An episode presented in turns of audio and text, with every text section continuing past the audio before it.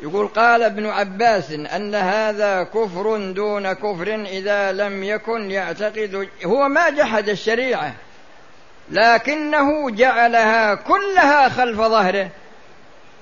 وامشي في هذا في الصلاة. ما يصلي يعني هذا مذهب المرجئة. ولا والمسألة تحتاج إلى التثبت من ناحية كلام ابن عباس. يعني من ناحية صحة النقل عنه وأن لأن في بعض الأشخاص ينقل الكلام من ناحية المعنى فلا بد من تطبيق كلام ابن عباس على السؤال الذي سئل عنه. أما الكلام الذي ذكرت لكم أن هذا كفر عام هذا هو مقتضى الأدلة.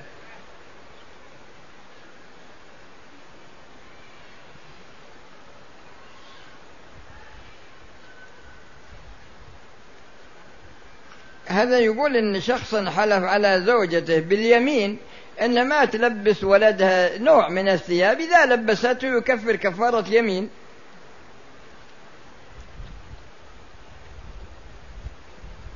في حالة وصولي مسبوقا في صلاة العشاء مثلا فأدركت ركعة واحدة فكيف أصنع بالركعات الأخرى؟ إذا إذا سلم الإمام تقوم لأن ما أدركته هو أول صلاتك فتصلي ركعة ثم تجلس التشهد الأول. فإذا فإذا انتهيت من الشهد الأول تقوم وتأتي بركعتين. هذه الركعة التي أتيت بها قبل التشهد الأول تقرأ فيها سورة لأن ما أدركته هو أول صلاتك.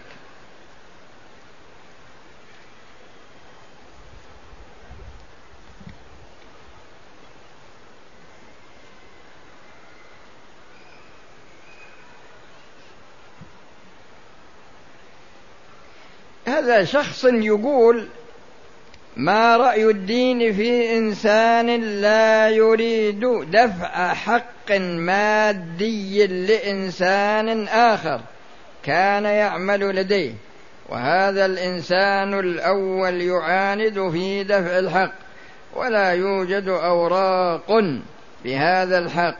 هل هذا ابتلاء يا أخي يخاصمه عند القاضي ويأخذ يمينه؟ يأخذ يمينه وإذا حكم القاضي له فإن الخصومة باقية إلى يوم القيامة وستأخذ من حسناته. فإن فنيت حسناته سيؤخذ من سيئاتك بقدر ظلمه لك ويوضع عليه.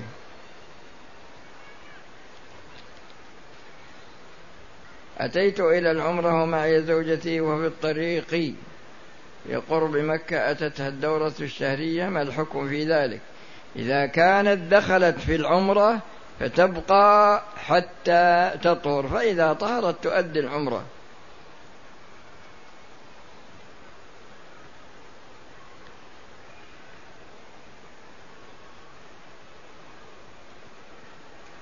خذ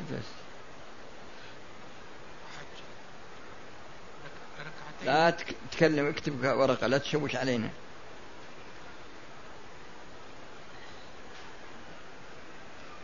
هذا يسأل إذا دخلت الحرم يعني يسأل عن تحية الحرم. إذا منك دخلت الحرم تطوف. إذا استطعت وإذا ما استطعت تصلي ركعتين.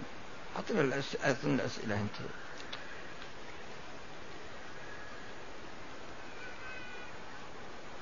وهذا يسأل عن العادة السرية لا شك أن وهو صائم لا شك أنه أفطر. ولكن أنا أنبه على أن العادة السرية هي معصية لكنها من أسوأ الأمور التي تؤثر على عقل الواحد. فمن من آثارها أن يعني يمكن ثمان وتسعين أو تسع وتسعين الذين يسألونني عن الوساوس إذا سألته قلت له هل أنت تستعمل العادة السرية؟ قال نعم. فمن آثارها الوساوس هذا في الغالب فلا يجوز.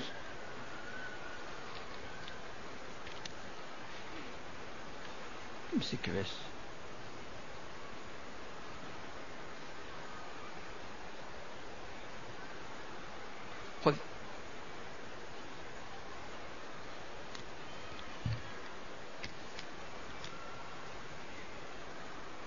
رجل خرج وش جرحا بسيطا في أسبوعه أثناء وهو محرم لتأدية العمرة. إذا إذا حصل جرح بسيط قهري ما عليه منه.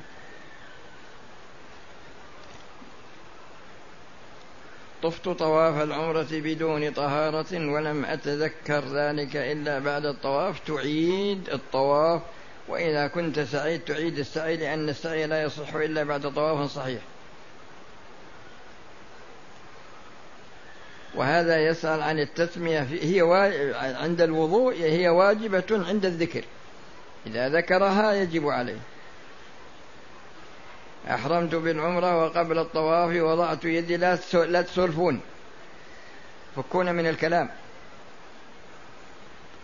أحرمت للعمرة وقبل الطواف وضعت يدي في كيس النقود فلمست صابون ما عليك إلا ما عليك شيء بس. قل بس.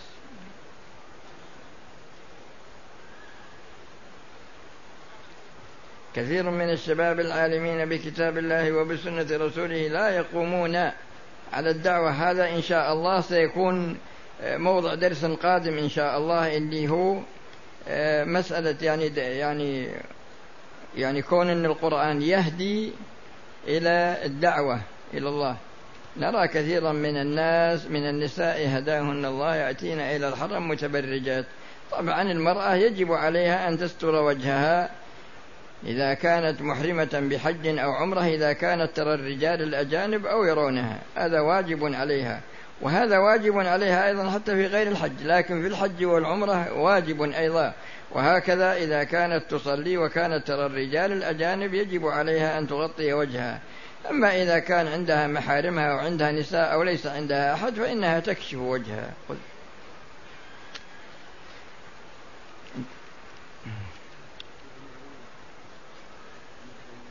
اي بس خليت فاضي هذا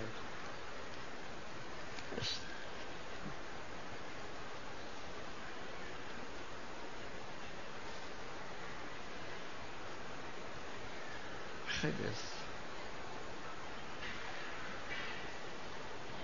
أصلي بعد صلاة العشاء أربع ركعات ثم أنام وأقوم قبل صلاة الفجر وأصلي سبع ركعات جزاك الله خير. اتقوا الله ما استطعتم.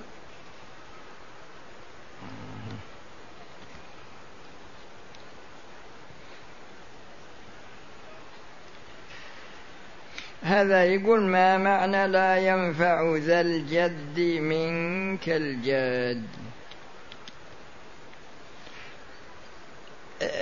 الشخص في هذه الحياة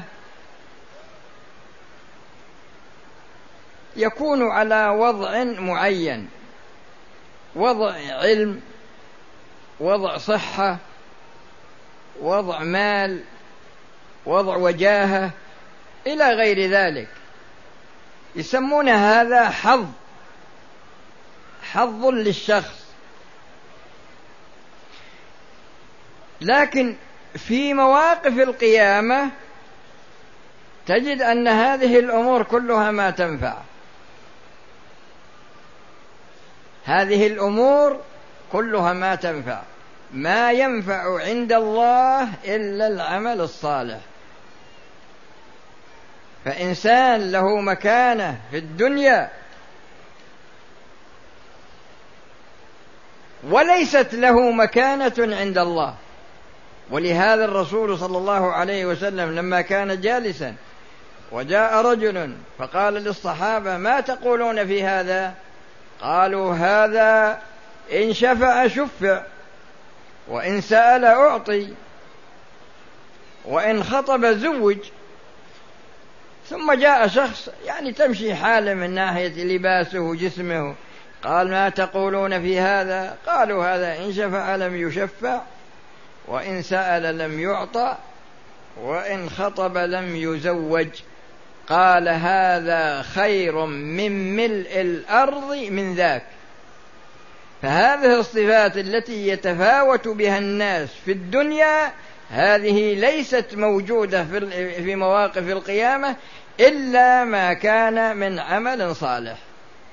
هذا هو المقصود ولا ينفع ذا الجد يعني صاحب الحظ في الدنيا لا ينفعه حظه هذا عند الله يوم القيامة إلا إذا كان مستقيما على طاعة الله.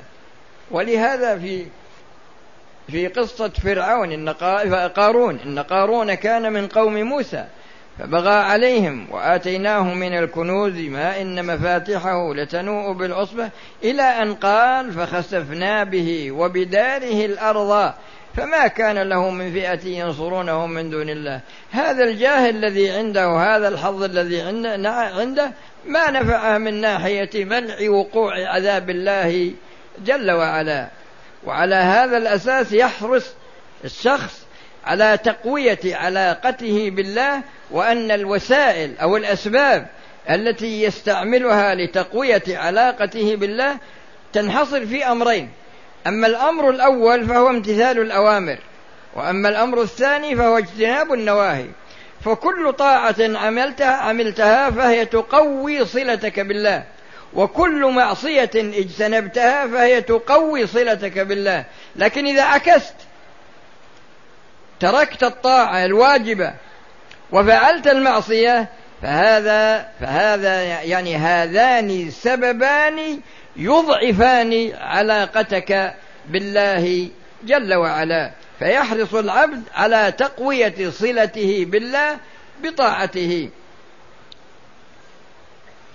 قل إن كنتم تحبون الله فاتبعوني يحببكم الله.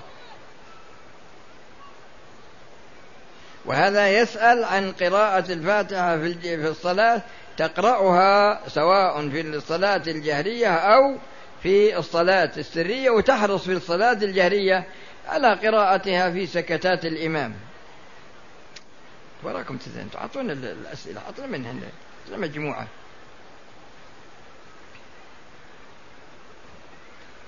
وهذا يسأل عن الإسبال. الرسول صلى الله عليه وسلم قال ما أسفل من الكعبين فهو حرام وفي الرواية الأخرى فهو في النار.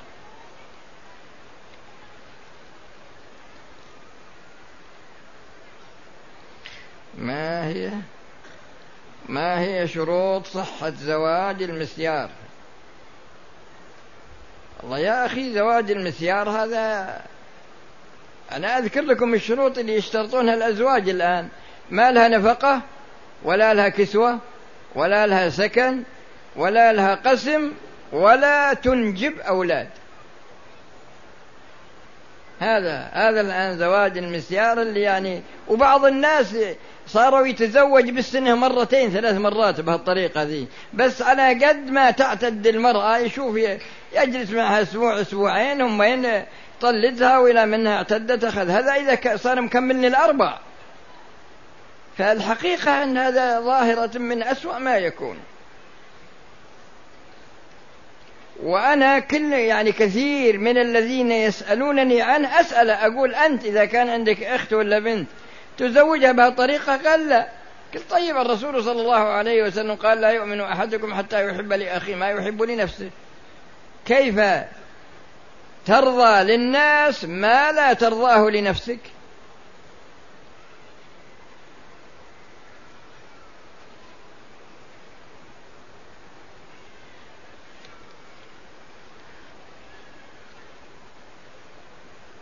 وهذا يقول بيفتح دكان كوفيرا لشعر النساء. والله يا أخي أنا ما أعرف هذا الشيء لكن الشيء اللي أنا ألاحظه هو أن العمل الذي يعمله الإنسان ينظر فيه هل هو محرم ولا مو محرم.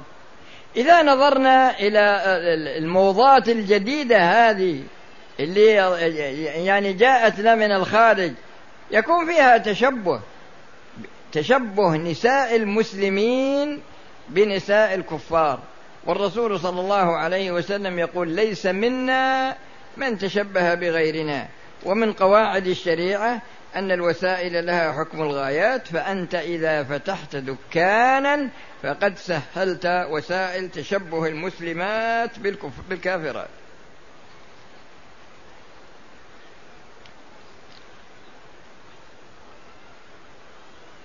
اشتركت مع شخص في عمل في محل تجاري ونظرا لسفره اشترط معي على أن أعطيه نسبة من الربح. إذا كانت النسبة محددة فلا يجوز. يعني إذا كان مثلا تعطيني في الشهر مثل بالشهر مئة ريال ألف ريال مثل ما يفعل بعض الناس الآن. يجيب له أجنبي ويفتح له دكان باسمه باسم السعودي ويخلي الأجنبي هذا يشتغل ويأخذ من بالشهر لثلاث 200 ريال 3000 200 ريال أو 1000 ريال على حسب كبر المحل وصغره. وهذا ما في شك أنه من الخيانة.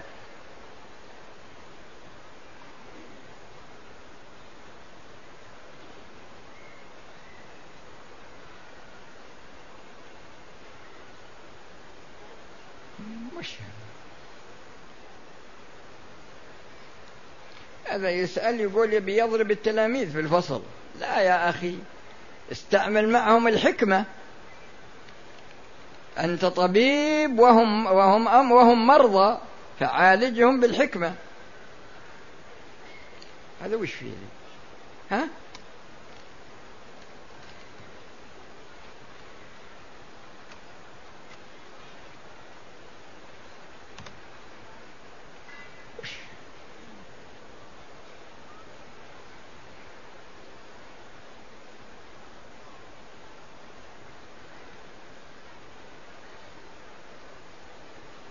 وهذا يقول يقول الرسول صلى الله عليه وسلم من سن في الإسلام سنة حسنة إلى آخره. هل من من سنة تؤدي معنى من أحيا سنة؟ نعم. هذا هو المقصود منها. إما إما ميتة وإلا مغفول عنها غفلة. أو مبتدئ أيضا.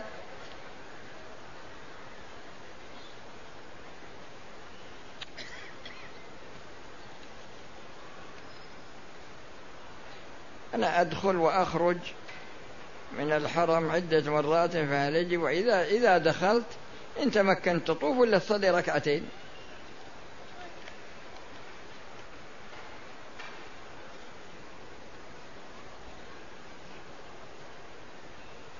وهذا يقول إن كان هناك شخص يخالط أهل البدع مخالطة دنيوية فقط أي تجارية فهل في ذلك شيء؟ إذا كان يتعامل معهم تعامل شرعي بمعنى أنه ما يستحل حرام ولا يحرم حلال ما في شيء لكن يجب عليه أن ينصحهم.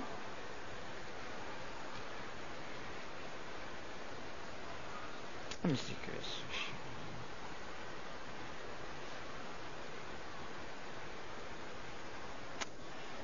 خذ يا رجال خذ خذ السؤال ظاهرة ابتلينا بها كثيرا في مساجدنا ألا وهي التحدث بكثرة بكثرة في أمور الدنيا ونخص بالذكر المسجد الحرام. والله أنا لاحظت هذا. ناس يتحلقون ولا يتكلمون إلا في أمور الدنيا. ولا شك أن هذا أمر لا يسوغ لهم.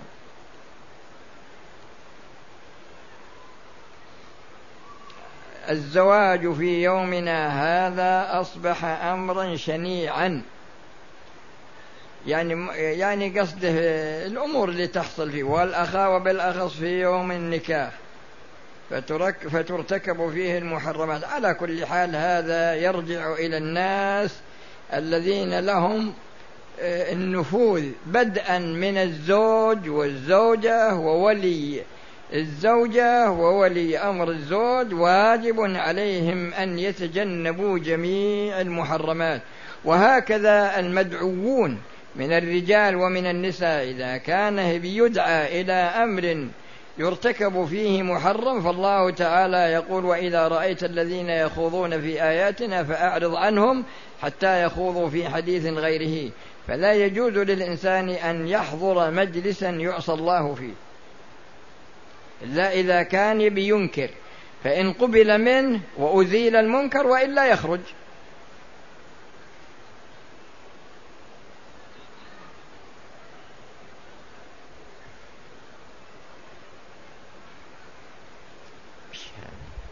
هذا طفل عمره سبع سنوات لا تسع أحرم ونوى العمرة وأثناء الطواف أزعج أمه. بأنه تعب فقالت أمه اجلس عند مقام إبراهيم عليه السلام ولم يكمل العمرة. يكملها الآن والحمد لله. ما في شيء.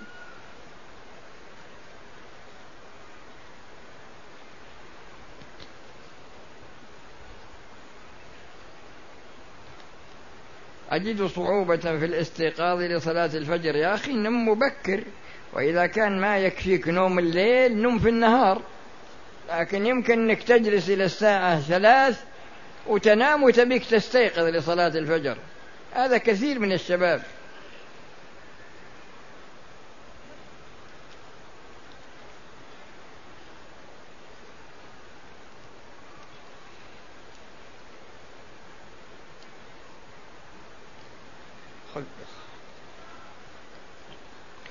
أنا لولد عمره 11 سنة لم يبلغ رشده. أحرم وطاف وسعى ولم يحلق ويلبس إحرامه ولبس ثوبه قبل التحلق. إذا كان حلق بعد ما لبس ثوبه ولبسه لثوبه جاهل ما عليه شيء.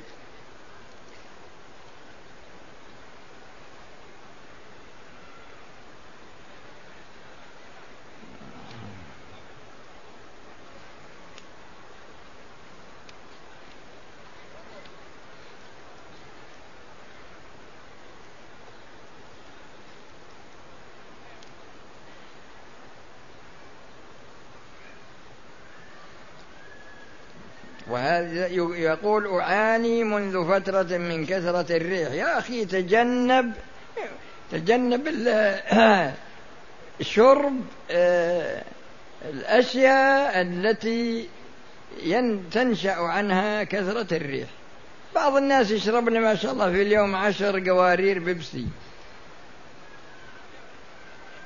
يعني يشرب الصبح الضحى الظهر العصر.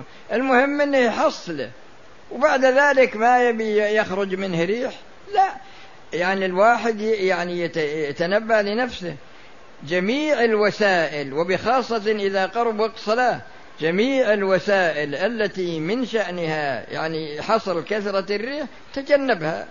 ولكن لا تصلي إلا على طهارة متيقنة.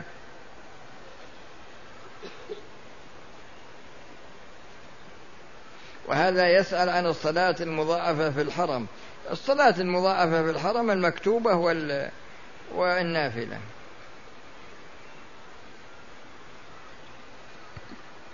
وهذا يقول الشخص إذا أراد يسافر يبي يطوف طواف الوداع جزاه الله خيرا.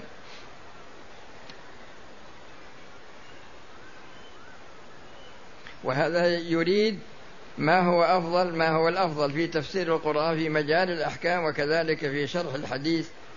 أما بالنظر إلى الأحكام ففيه أحكام القرآن لابن العربي هذا مختصر.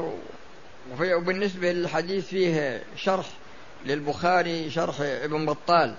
هذا شرح للبخاري شرح فقهي. وسيرة الرسول صلى الله عليه وسلم بإمكانك أنك ترجع إلى كتاب زاد المعاد في هدي خير العباد. وسير التابعين هذا تجد في في كتب مؤلفة في في فضائل الصحابة رضي الله عنهم وفي تراجمهم.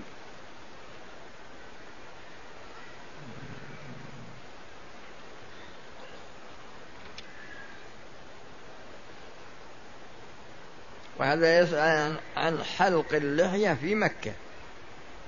كل واحد يا أخي.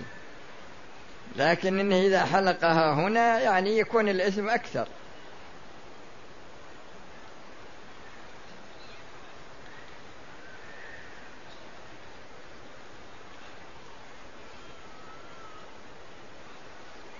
وهذا يسأل عن السلفية. السلفية حددها الرسول صلى الله عليه وسلم لما ذكر افتراق الأمم. قال افترقت اليهود على إحدى وسبعين فرقة.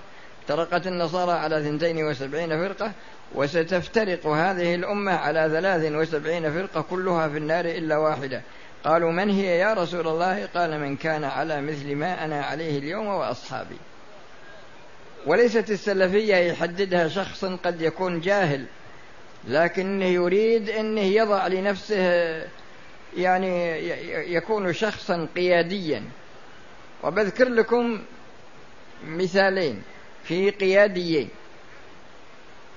القيادي الأول أنا رأيته من يمكن اثنين وأربعين سنة. يعني هيئته هيئة طيبة في الظاهر ملابسه لكنه هو داعية يعني رئيس في الدعوة في بلده.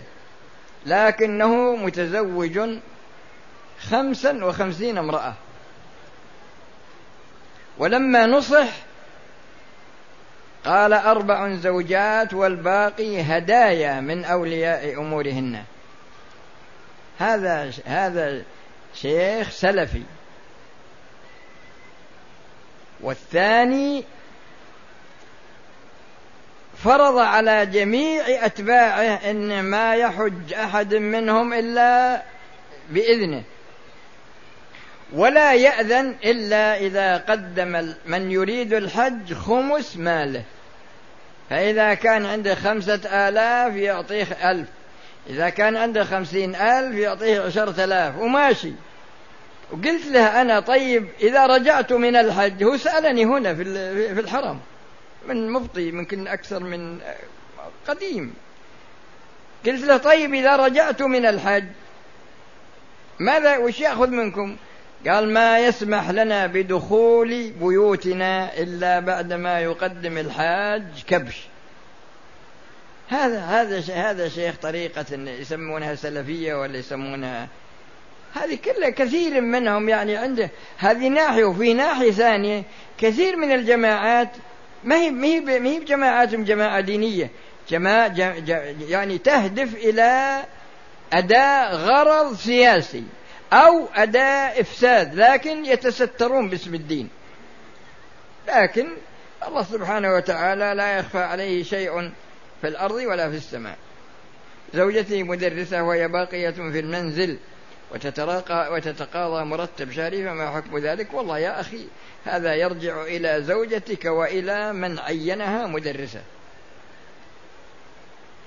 رجل ينوي العمرة أو الحج وعندما يجهز نفسه للسفر إلى الأرض المقدسة يضيق يضيق علمه ويتردد في الذهاب ويعود إلى منزله بأمتعته.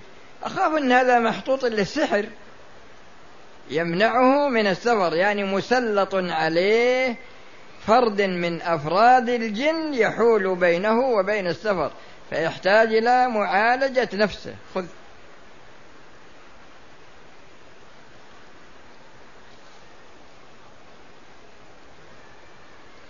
العمرة عن الحي المريض إذا كان ما يستطيع ما فيه مانع لكن تخبره قبل الدخول فيها. إيش هذا؟ خذ بس.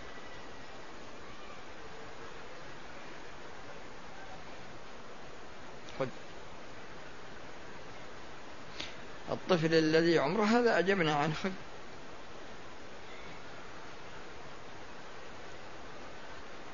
وهذا يسأل عن تلقيط أو نتف الحواجب ما يجوز. لي حوالي سبعة أطفال ولم يكملوا تسعة شهور. ولد ولم يكملوا تسعة شهور. أحدهم أربعة خمس ست ثمانية وتوفوا. هل علي إثم؟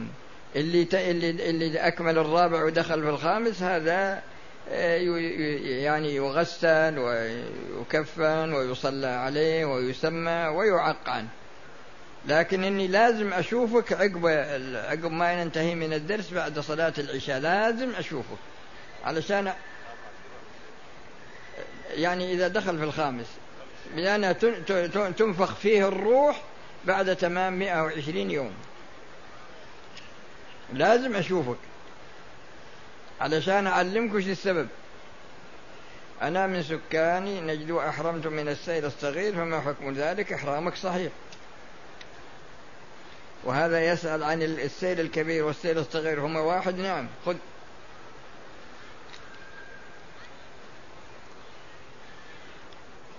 وهذا يسأل عن الأدوية التي تحتوي على الكحول هذا ما يجوز استعمالها. لأن الرسول صلى الله عليه وسلم يقول عباد الله تداووا ولا تتداووا بحرام فإن الله لم يجعل شفاء أمتي فيما حرم عليها. وهذه تسأل عن القفازات في طواف التطوع تلبسهن سواء في التطوع ولا في رجل أراد العمرة ومر بميقات ذي الحليفة ولم يحرم منه وذهب إلى جدة ثم إلى الطائف وأحرم من السيل. لا. إذا كان إنه يوم يمر ميقات ذي الحليفة على نية العمرة فهو ميقاته. أما إذا كان يقول بروح إن تيسر لي أخذت العمرة وإن لم يتيسر ما هذا يعني ما نوى العمرة فإذا أحرم من الطائف ما عليه. عندنا بعض الناس يفتحون إيه؟ إذاعة القرآن قبل الأذان بربع ساعة. وش؟